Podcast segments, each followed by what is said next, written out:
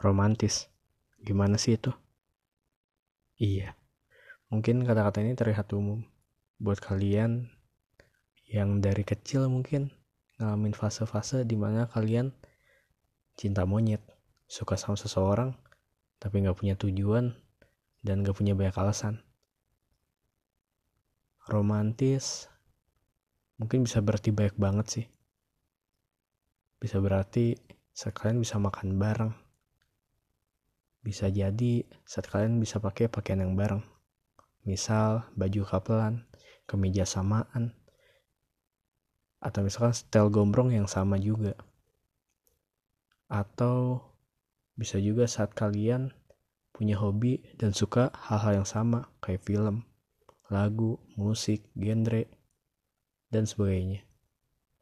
Tapi emang hal-hal yang kayak gini sih salah satunya yang sama banyak orang bisa diartikan sebagai hal yang romantis.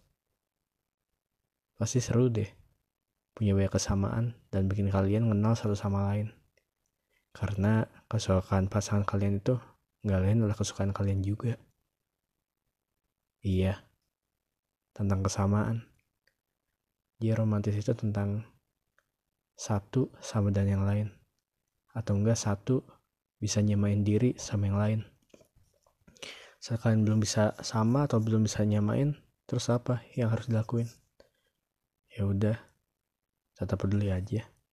Tetap ngertiin kalau kamu sama dia ada dari dunia yang berbeda. Ada dari latar yang berbeda.